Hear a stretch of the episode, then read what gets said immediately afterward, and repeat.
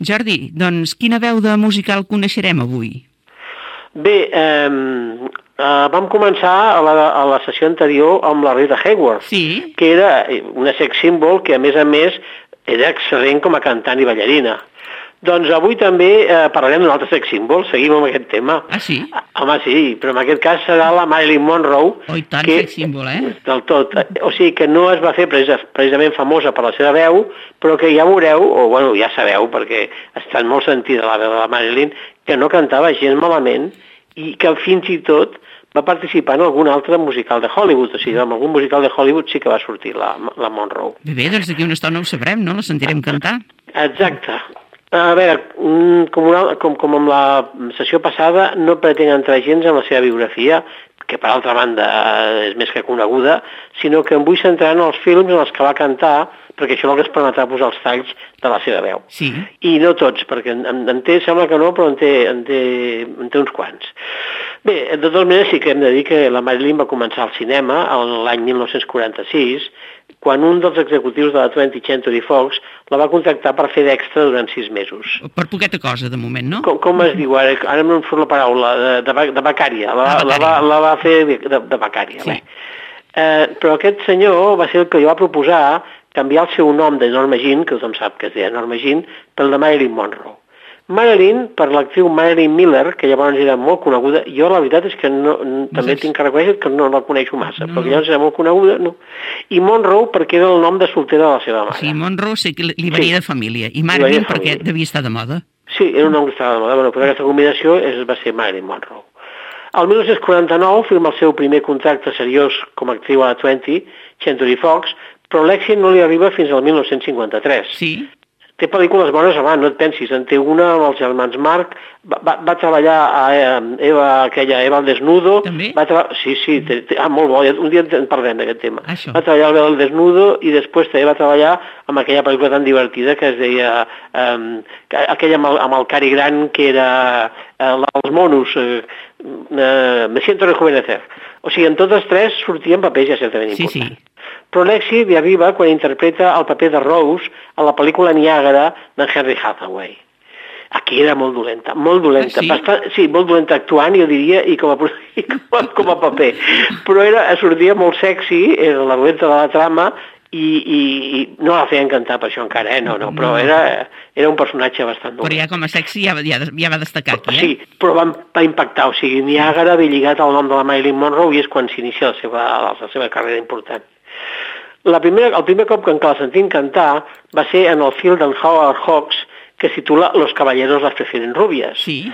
Aquí interpreta a la Lorelei, Lorelei Lee, que era una cantant i ballarina que està desesperada per trobar un milionari de qualsevol edat. Es lliga un nen de, de 10 anys i a un senyor de 90, una cosa increïble, mentre siguin milionaris, eh? Ja, ja, ja. Per, per poder-s'hi casar. És una, Sí, sí. és una dona desesperada per, la, per, perquè la jubilin. I aquí, amb aquesta pel·lícula, és quan interpreta el seu primer gran èxit musical, que es titula Els diamants són els millors amics de les noies, Caram. que s'ha convertit en un clàssic, o sigui que és boníssim. Vinga, doncs comencem, eh, posem un tall de- d'aquesta cançó i així ens podem sentir de nou la veu de la Marilyn. Endavant. Sentim-la? Vinga. The French are fled to die for love. They delight in fighting But I prefer a man who lives and gives expensive jewels.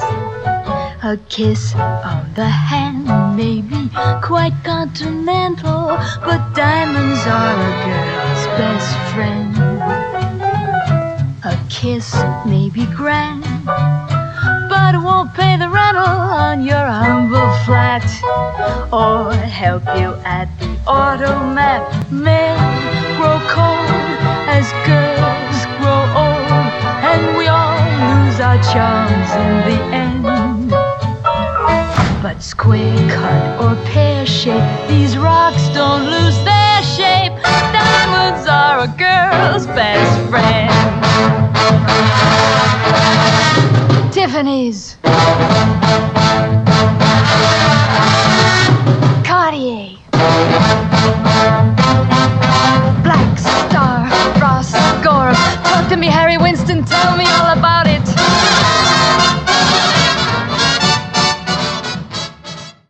Doncs sí, hem comprovat que tenia la veu maca. I a més que la cançó aquesta és francament coneguda, eh? Sí. Vull dir, no, és de les més representatives de la Marilyn. Doncs a continuació, després d'aquesta, és quan participa en el seu únic musical pròpiament dit. Un musical molt, molt poc conegut, que es diu Luces de Candilejas. En anglès no me'n recordo com se deia, no té res que veure. Uh -huh. Però aquest Luces de Candilejas, ella, de fet, té un paper més aviat secundari. Sí. Perquè eh, eh, és una d'aquelles pel·lícules de que hi ha una companyia de cantants que van per tota Amèrica, i és clar, tots aquests cantants que apareixen a la pel·lícula era gent molt experimentada, Sí. com l'Ethel Merman, el Donald O'Connor, la Mitzi Gaynor, i ella era eh, un paper de secundari. Però també però, però cantava bé, eh? vull dir que no, que no desentona amb tota aquesta gent. Se'n surt bé, però no, la seva carrera ja no s'enfoca cap a aquesta direcció. Ja. Es dedica més als papers eh, comèdies o papers dramàtics que no pas a musicals. Tot i això, el 1954 se la torna a sentir cantar al cinema, però agafa dolors perquè és en Ai. un western. Un western? en un western, en un sí. western. En un western, sí. Era una, era, era un, el western es titula Río sin retorno i ella és una cantant de saloon, o sigui, Sí. la cantant del saloon. Típica, no? Sí, típica. I llavors, clar, com que és una cantant de saloon, doncs canta, clar. Clar, ho ha de fer. La pel·lícula la va dirigir Otto Perminger i la pobra Marilyn passa un munt de peripècies enormes amb en Robert Mitchum. Sí? Clar, el, el Robert Mitchum, que com sempre fa de cowboy molt dur. O sigui, el, el Robert Mitchum fa el seu paper de El seu sempre. paper. Doncs hem, sí, eh, perquè hem de canviar. Val, doncs sentirem eh, el tema principal de la pel·lícula. És un tema, és un tema de western, ja veureu, eh? o sigui, és, és significatiu. Total, sí. Però la Monroe el treu francament bé, ja, ja veureu. Ara ho veurem. Molt bé. Vinga. Mm, If you listen, you can hear it call.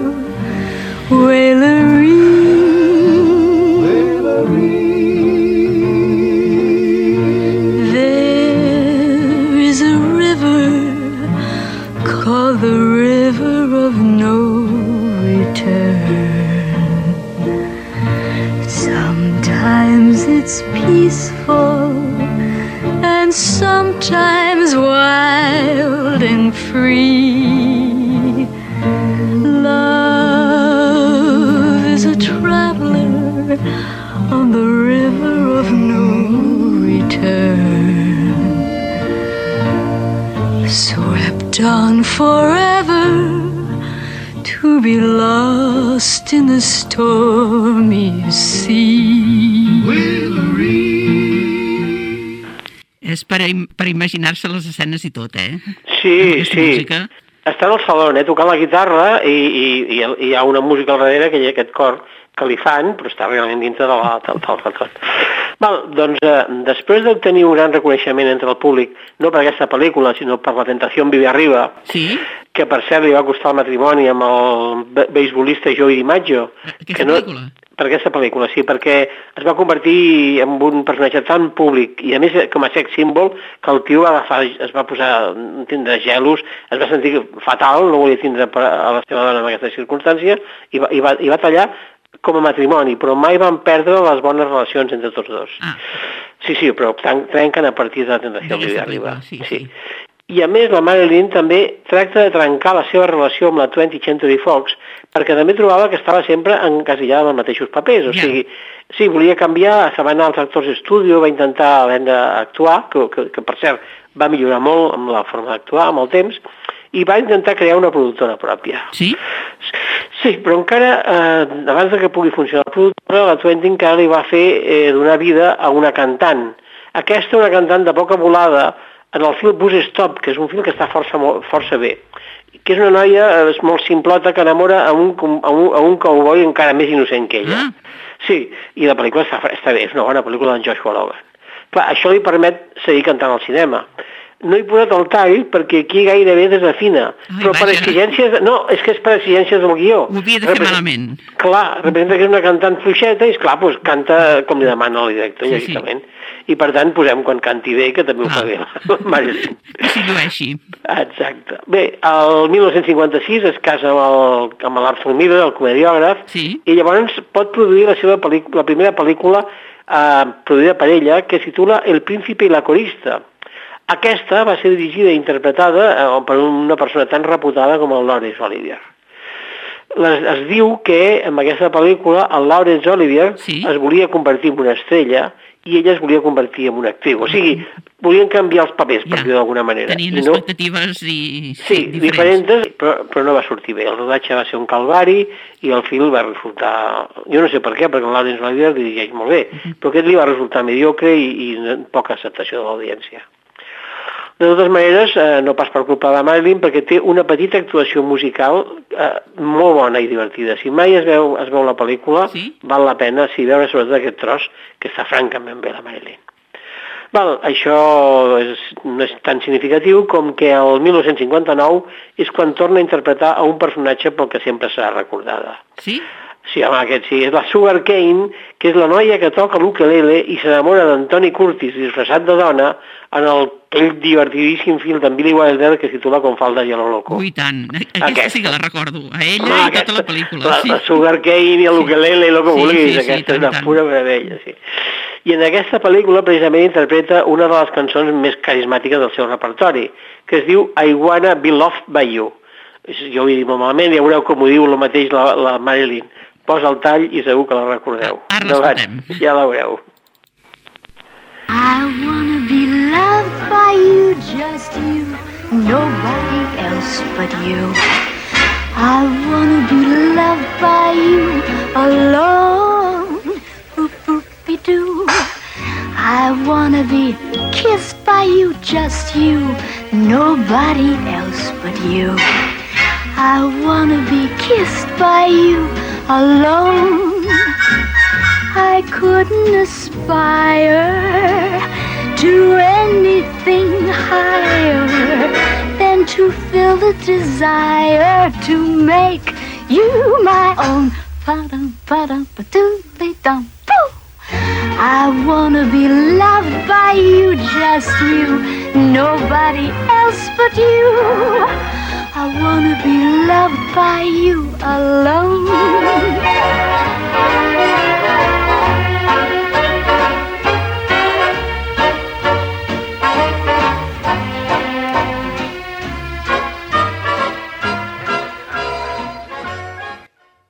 Boníssima. Aquesta és Sí, boníssima. boníssima. I, I a més, per aquests films, la Marilyn va guanyar l'únic premi de la seva carrera. Li van donar el Globus d'Or a la millor actriu de comèdia d'aquell any. O sigui que Va tenir aquesta premi. Va, va tenir premi tota la seva interpretació. Està, ella està, és un, tots plegats, tots estan, Està molt bé, està molt bé, divertits, i tots, sí. tots tres estan molt bé. bé. I després d'aquesta pel·lícula ja només va poder realitzar dos films més, però un era musical. El musical, en anglès tampoc recordo com se diu, però en castellà li van posar El multimillonario. Aquest va ser dirigit per en George Cukor amb guió d'en Arthur Miller per imposició de la Marilyn. Ah, Ah, ah, sí, però el guió era el més fluix de la pel·lícula, no t'enganyis, eh? Uh, uh, I estava protagonitzat per l'actor i cantant francès Yves Montand, aquell, eh, Sí, Montand, vamos, sí, molt seductor ell. molt seductor. Amb aquest va acabar tenint un rotllet sentimental públic i notori que va co- comportar un cabreig important de la dona de Montant, la, la Simone Signoret, la Ah, Signoret. es va enfadar, va va dir, no? És que se'n va entrar tothom. Ah, sí. va dir, al final va dir que dir, home, almenys tinc que reconèixer que el meu marit, si, si, si se'n va amb algú, té, té bon gust, vull dir, està bé. La, clar, A sobre? Sí, va però, però vull dir, clar, vull dir, li van preguntar vostè què pensa del seu marit, diu, home, té bon gust, però vull dir que estava molt molesta, no ens enganyem. Normal. En, en qualsevol cas, el multimilionari, la Marilyn ens, ens torna a deixar un altre dels seus títols més coneguts i, i, més, i més emblemàtics. Es titula My Heart Belongs to Daddy, tampoc Sí. et dirà res el títol, però quan la sentis... Això, traduït, seria El meu cor pertany al meu papi, o Ah, sigui, papi. però papi en sentit afectiu i carinyós. Sí, sí. Aquí ella balla molt bé, canta molt bé. Sentirem el tros en què canta, però vull dir, ja veureu com també la cançó us vindrà a de la memòria. A veure, doncs. Endavant. While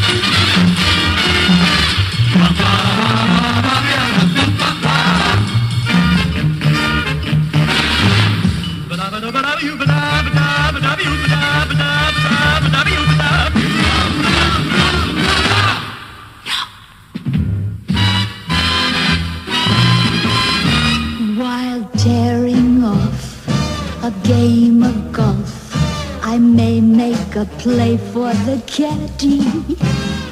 But when I do, I don't follow through, cause my heart belongs to daddy. If I invite a boy some night to dine on my fine Finn and Hattie, I just adore his asking for more, but my heart belongs to daddy. Yes, my heart belongs to daddy. So I simply couldn't be bad. Yes, my heart belongs to daddy. Dad, dad, dad, dad, dad, dad, dad, dad. So I want to warn you, laddie, though I know that you're perfectly swell, that my heart belongs to daddy. Cause my daddy, he treats it so.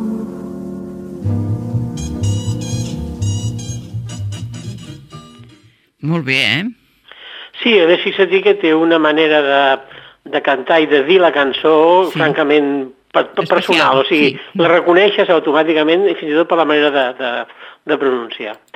Bé, de, després d'aquesta només va poder acabar dues pel·lícules, eh, eh, perdona, només en va poder acabar una, aquesta era l'altra. Una. Només una, que va ser Vides Rebeldes, també aquesta amb un guió excel·lent d'Arthur Miller, aquesta és molt bona, la passen cada dos per tres per, per BTV, o sigui, no hi ha problema. Ah, llavors, en Arthur Miller ja s'havia separat, i aquesta la va dirigir en John Huston, i va estar acompanyada de dos actors tan importants com en Montgomery Clift i en Clark Gable, que, Caram. que també va ser, sí, i també va ser l'últim film que va poder fer en Clark Gable. Després d'aquest tampoc va poder continuar. La pel·lícula és excel·lent, si mai la podeu veure, que la, dic, la passen sovint, eh, és, és magnífica, vamos, una gran pel·lícula. Uh, bé, com és ben sabut, Marilyn mor d'una so sobredosi de barbitúrics la matinada del 14 d'agost del 62. Ben jove? Sí, tant, imagina't.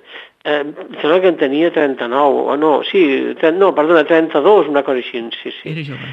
Sí, sí, tant. Mentre rodava un altre film amb en George Cukor que es titulava Something's Got to Give. D'aquesta queden imatges, es veuen encara imatges d'aquesta pel·lícula, però no es va poder acabar ni es va poder estrenar, o sigui, en, en un record d'ella com a final. Va quedar aquí. I això és tot, o sigui que esperem que eh, us hagi agradat la veu de la Marilyn, recordar-la, vaja, recordar la veu Sí, de la sí. Marilyn, i per dintre de 15 dies eh, buscarem algun altre també que, que sigui igual de rellevant. A veure, a veure, esperem d'aquí dues setmanes a quina cantant ens portes, Jordi. A, a veure què portem d'aquí 15 dies. Molt bé. Espereu-vos. Fins Vinga, la propera. pues moltes gràcies. Adéu. Vinga, adéu, bona tarda. Adéu, adéu.